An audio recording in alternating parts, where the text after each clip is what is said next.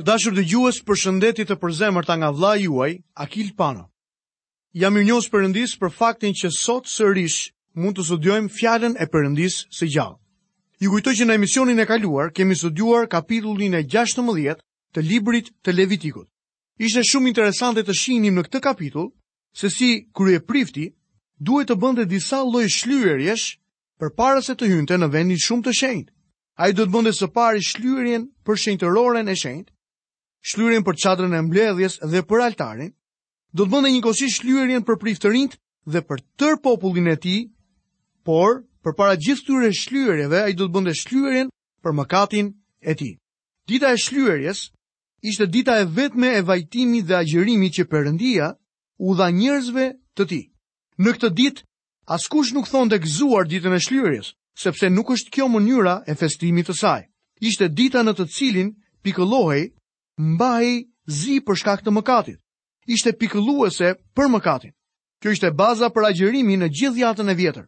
Kjo ditë zbatohej deri sa erdhi sakrifica e qëndrueshme dhe e përjetshme që u bë për mëkatin. Sakrifica që Zoti ynë Jezus dha 2000 vjet më parë duke ofruar trupin e tij në kryqin e Golgotës. Sot do studiojmë kapitullin e 17 të librit të Levitikut. Tema e këtij kapitulli është një vend për sakrificën, ndalimi i adhurimit të idhujve, oferta e sakrificës në tabernakull dhe ndalimi i ngrënies së gjakut. Levitiku është një libër po aq ngacmues sa edhe shpalosës. apo hapës i themeleve të mëdha, bazës së të vërtetës për të krishterët sot. Edhe pse këto gjëra iu dhanë kombit të Izraelit dhe tashmë arsyeja për t'i bërë është larguar, të gjitha këto përmbajnë ende mësime të mëdha shpirtërore për të gjithë ne sot. U përgjigjen shumë pyetjeve dhe na japin një pamje të re për kuptimin dhe vlerësimin tonë ndaj Testamentit të Ri. Unë ngazëlloj sepse shumë vetë do të vijnë në një marrëdhënie të re personale me Krishtin, me anë të studimit që ne jemi duke bërë në librin e Levitikut. Disa njerëz e trajtojnë këtë kapitull si një vazhdim të kapitullit të mëparshëm. Është e vërtetë se këtu ka një vazhdimësi, por subjekti është i ndryshëm. Në këtë kapitull i jepet vëmendje vendit të sakrificës dhe vlerës së gjakut. Ky kapitull ka zbatim të drejtpërdrejtë në marshin e shkretëtirës dhe periudhën kur Izraeli kishte fushuar afër tabernakullit. Ai ka të bëjë më shumë me rrethana etike se sa ceremoniale. Kafshët shtëpiake të pastra për ushqim duhej të thereshin në tabernakull. Vetëm vargjet 8 dhe 9 në këtë kapitull kanë të bëjnë specifikisht me ofertën ceremoniale të sakrificës ndaj Perëndisë. Pasi Izraeli u shpërnda kudo nëpër Palestinë, disa prej tyre jetonin njëqind milje ose më tepër larg nga tabernakulli. Nuk ishte e mundshme ose e realizueshme që ata t'i sillnin kafshët që do të përdornin për ushqim para tabernakullit dhe t'i thernin aty. Tek ligji i përtërirë, Perëndia u jep atyre udhëzime të tjera. Kur ishin gati për të hyrë në vend, pse Perëndia u dha udhëzime të tilla njerëzve të tij? Izraeli sapo kishte dalë nga Egjipti, ku kishin qenë të rrethuar me idhuj. Ata kishin adhuruar idhujt e Egjiptit dhe gjithmonë ekzistonte rreziku i kthimit prapa tek idhujtaria. Izraelitët kishin adhuruar zotat natyrorë në Egjipt. Në vargun 7 fjala e përkthyer demon është në fakt fjala seirim që do të thotë i pështirë dhe u referohej idhujve. Egjiptianët adhuronin Mendesin, idhullin Zot, ndërkohë që grekët adhuronin idhullin Pan, të njohur prej nesh nga letërsia greke dhe arti i përshkruar me bisht, brirë dhe këmbë të thyera. Krishterimi i Mesjetës e identifikon këtë formë si djallin. Fjala jonë panik ka ardhur nga kjo periudhë kohe, kur përshkrohet terrori që shkaktoi djalli. Nga kjo shohim se Izraelit iu ndalua të therte kafshë në ndonjë vend tjetër përveçse tabernakullit në mënyrë që të parandaloheshin nga ofrimi i kësaj sakrifice Panit, idhullit Zot. Më vonë shohim se në asnjë mënyrë nuk duhej ngrënë gjaku. Arsyeja paraqitet specifikisht. Gjaku përfaqëson jetën. Ka një arsye të dyfishtë prapa gjithë kësaj. Së pari, jeta është e shenjtë, Madje, edhe kafshët nuk duheshin therur pa qenë e nevojshme. Së dyti, gjaku flet për sakrificën e Krishtit. Ishte mjeti i shlyerjes së fajit, simboli i pajtimit dhe lloji më i madh i delegimit sakrificës zëvendësuese të Krishtit. Jeta është e shenjtë dhe duhet mbrojtur, por Krishti duhej të jepte jetën e tij në mënyrë që mëkatarët të mund të kishin jetë. Gjaku dhe jeta janë sinonime të njëra-tjetrës. Njeriu kurrë nuk duhej të hante gjak, por ai duhet të pijë gjakun e Krishtit, që do të thotë se ne duhet të përvetësojmë me anë të besimit në gjakun e derdhur të Krishtit jetën e tij, që ai e dorëzoi në mënyrë që ne të mund të jetojmë. Le ta duam, ta lavdërojmë dhe të flasim për gjakun. Shumë shpesh, madje edhe në kishat tona, nuk flitet shumë për subjektin e mëkatit.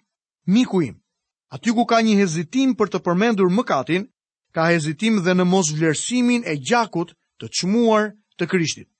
Një predikues i famshëm që erdhi në Washington disa vite më parë, u pyet nga një grua e moshuar: "Doktor, shpresoj që të mos flasësh aq shumë për gjakun, sa ç'foli predikuesi ynë i mëparshëm." Përgjigja e tij ishte e qartë: "Madam, Nuk do të flas aq shumë për gjakun.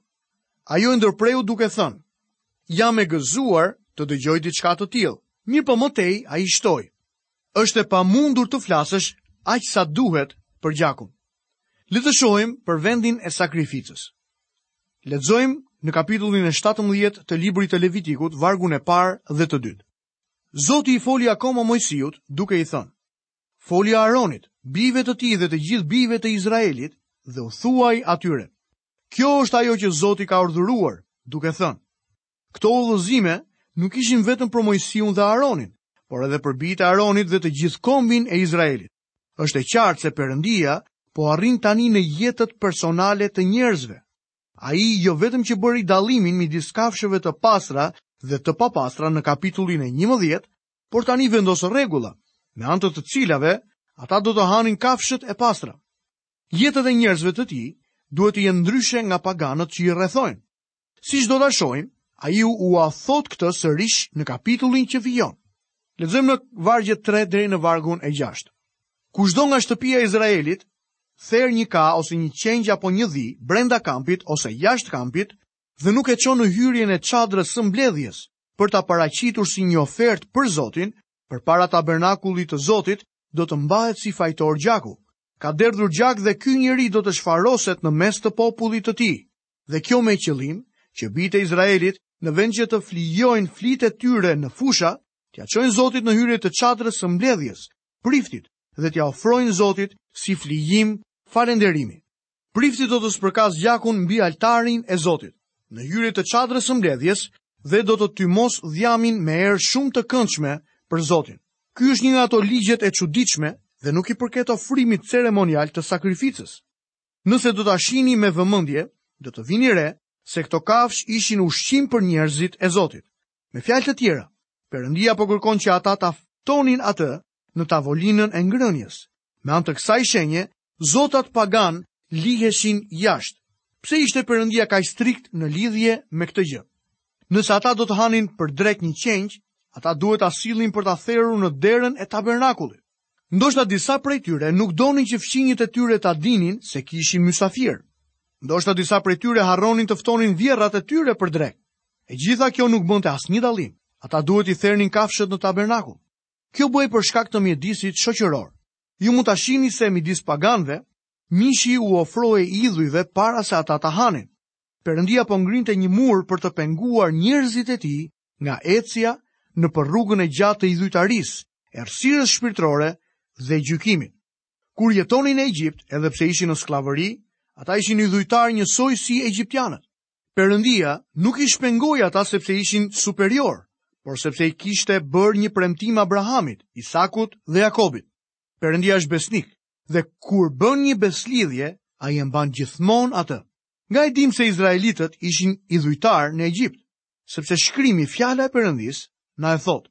Ezekieli kapitulli 20, vargjet 6 deri në vargun e 8.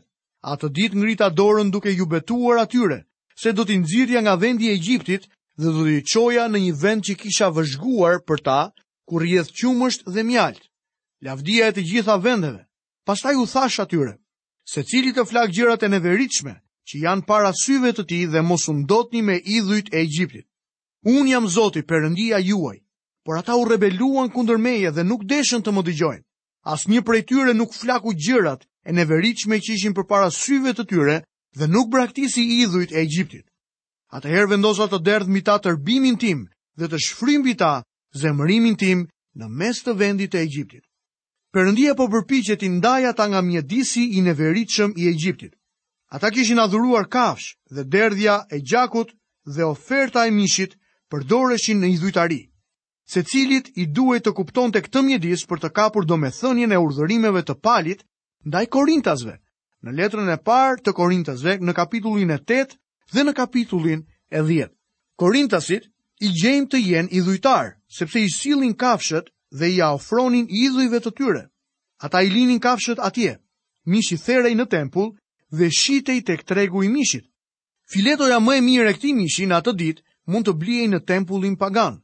Ai ishte supermerkati lokal. Në kohën e Testamentit të Ri, izraeliti i perëndishëm, që ishte shkolluar, refuzonte të blinte mishin që ishte ofruar idhujve. Johebrenjtë e kthyer në besim nuk kishin ndonjë brejtje për ngrënien e mishit që ishte ofruar idhujve, për shkak se e kishin kuptuar që një idhull nuk ishte asgjë.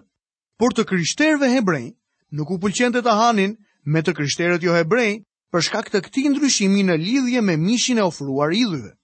Ky kapitull i Levitikut, siç mund ta shihni, jep prapaskenën e pasazhit tek letra drejtuar Korintasve.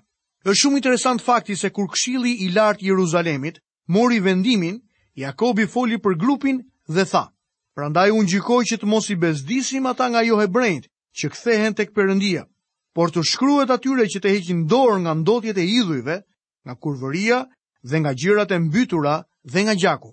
Perëndia po u mësonte besimtarëve johebrenj se jeta ishte e shenjtë. Mund të përmend këtu që një therje e kafshëve për ushqim është ende e lidhur me adhurimin pagan në mes të hinduve dhe persëve. Në fakt, bijtë e Izraelit kishin shumë pak mish për të ngrënë në shkretëtirë. Mendoj se ngjarja e shkurtave na e tregon këtë gjë. Ata u ankuan sepse nuk kishin mish për të ngrënë dhe thirrën, Kush do të na japë mish për të ngrënë? Kjo ishte e vërtetë për të gjithë kombet në lashtësi, madje edhe sot vendet e lindjes kanë mungesë mishi. Madje disa janë edhe vegjetarianë. Një kafshë e pastër për ushqim duhej therur në derën e tabernakullit. Gjaku duhej të derdhej atje. Gjaku vendosej mbi altar, ndërsa dhjami ofrohej si një aromë e këndshme. Sakrifica ishte një ofertë paqeje. Mbetja e kafshës i kthehej të zotit dhe ai mund të përgatiste me të tavolinën e tij.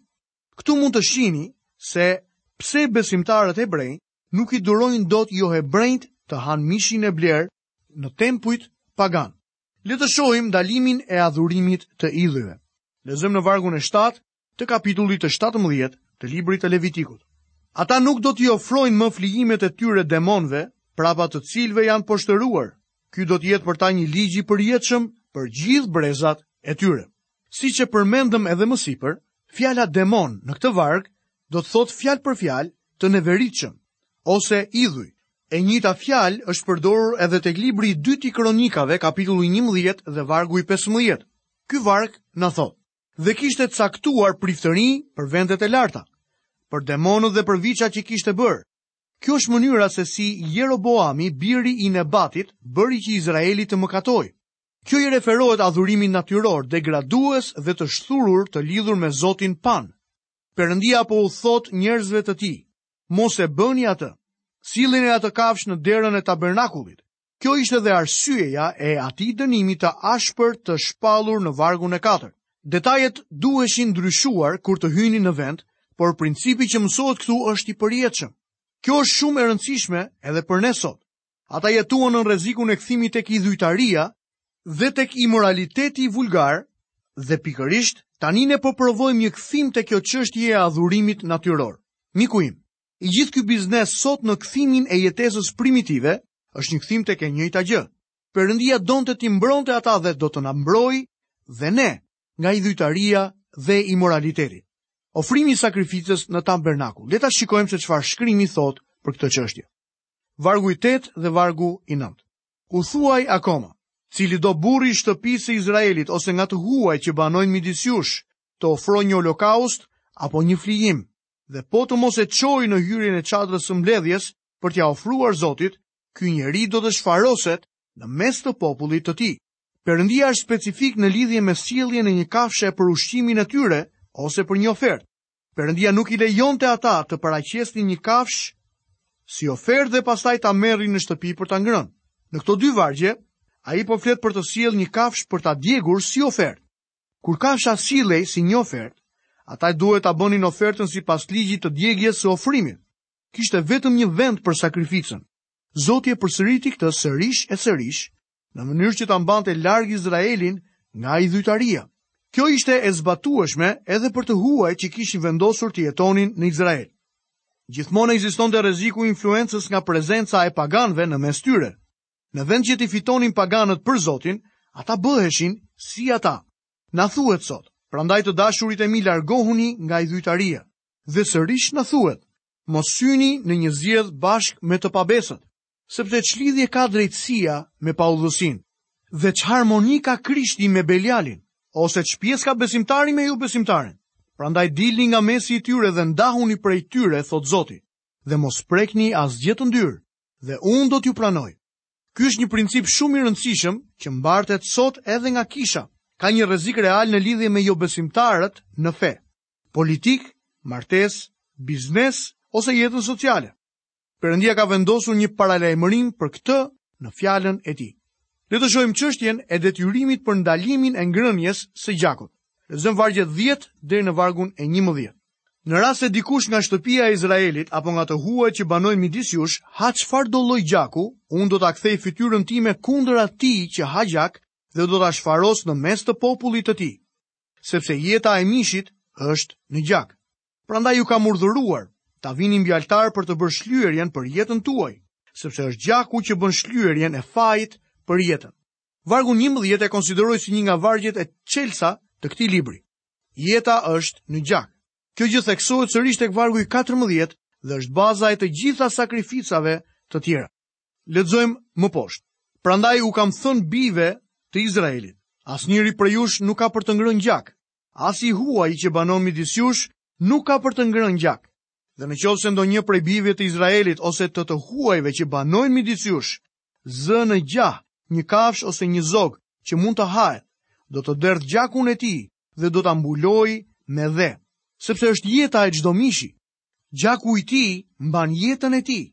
Prandaj u kam thënë bijve të Izraelit, nuk do të hani gjakun e asnjë mishi, sepse jeta e çdo mishi është gjaku i tij. Kushdo që do ta hajë, do të shfaroset. Jezu Krishti Zoti tha diçka shumë interesante. Kush ha mishin tim dhe pi gjakun tim, ka jetë të përjetshme, dhe unë do ta ringjall atë në ditën e fundit, sepse mishi im është me të vërtetë ushqim dhe gjaku im është me të vërtetë pije.